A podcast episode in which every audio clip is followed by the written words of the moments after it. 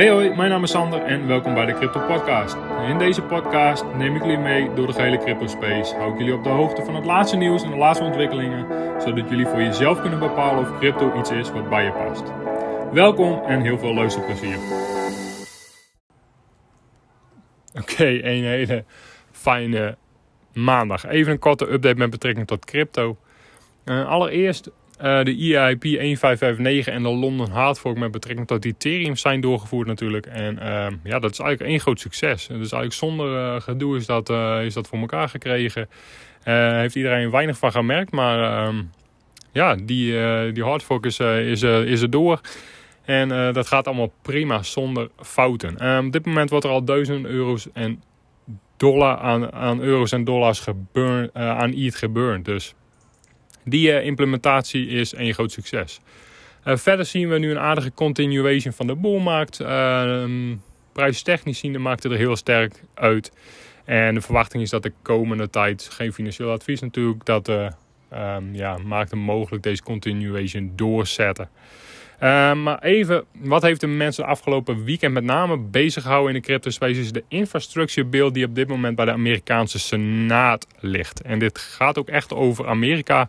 Maar als er regulaties met betrekking tot crypto doorgevoerd gaan worden in de uh, grootste economie van de wereld, gaat dat natuurlijk invloed hebben op de gehele cryptomarkt. Maar er ligt een infrastructure bill bij de Senaat.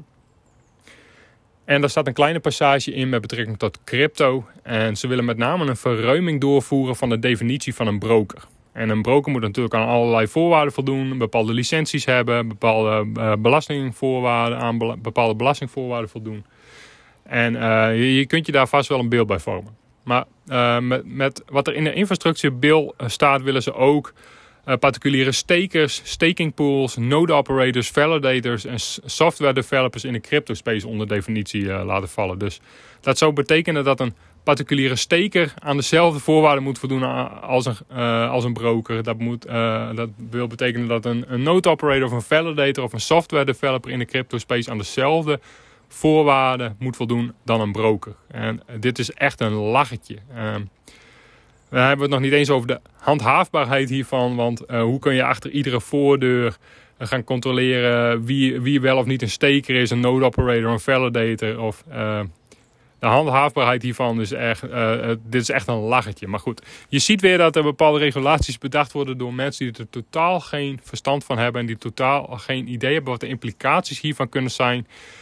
Uh, voor de positie van Amerika in de crypto space. En de crypto space in het algemeen. En dit is gewoon één grote halt uh, met betrekking tot technologische ontwikkelingen en vooruitgang. En uh, het is nog lang niet zo ver, daar kom ik zo even op. Maar het is wel even goed om te weten wat er achter de schermen allemaal gebeurt. Maar mocht dit uiteindelijk in, in, wet, in wetten doorgevoerd gaan worden, dan ja, zet Amerika zich met betrekking tot crypto toch echt wel heel erg buiten spel.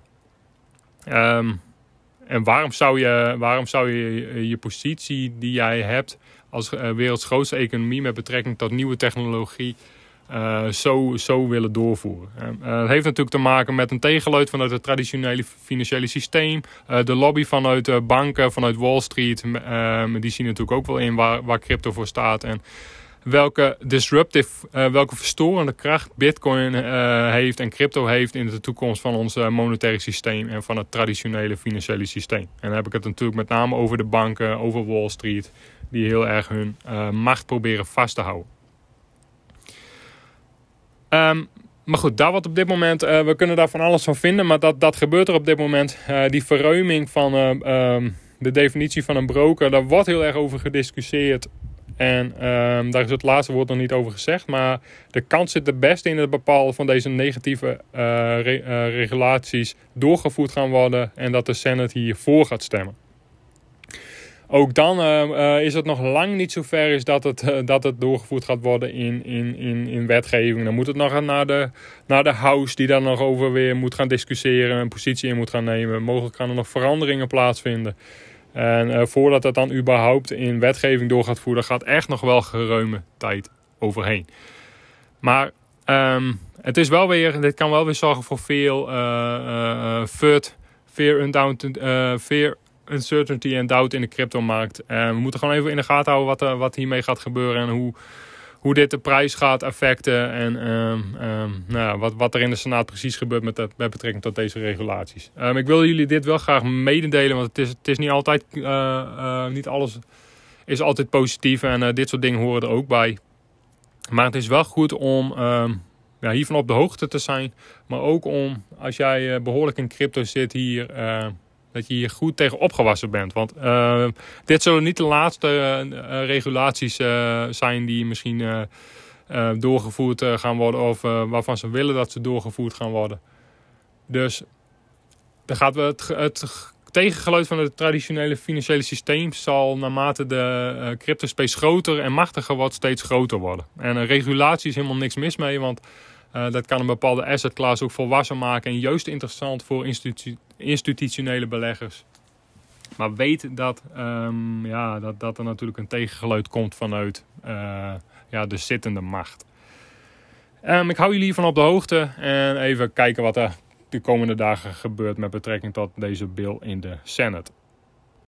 Dat was het weer voor vandaag. Heel erg bedankt voor het luisteren. Heb je vragen of suggesties? Stel ze op mijn Instagram. Sander in een workout. En tot de volgende keer.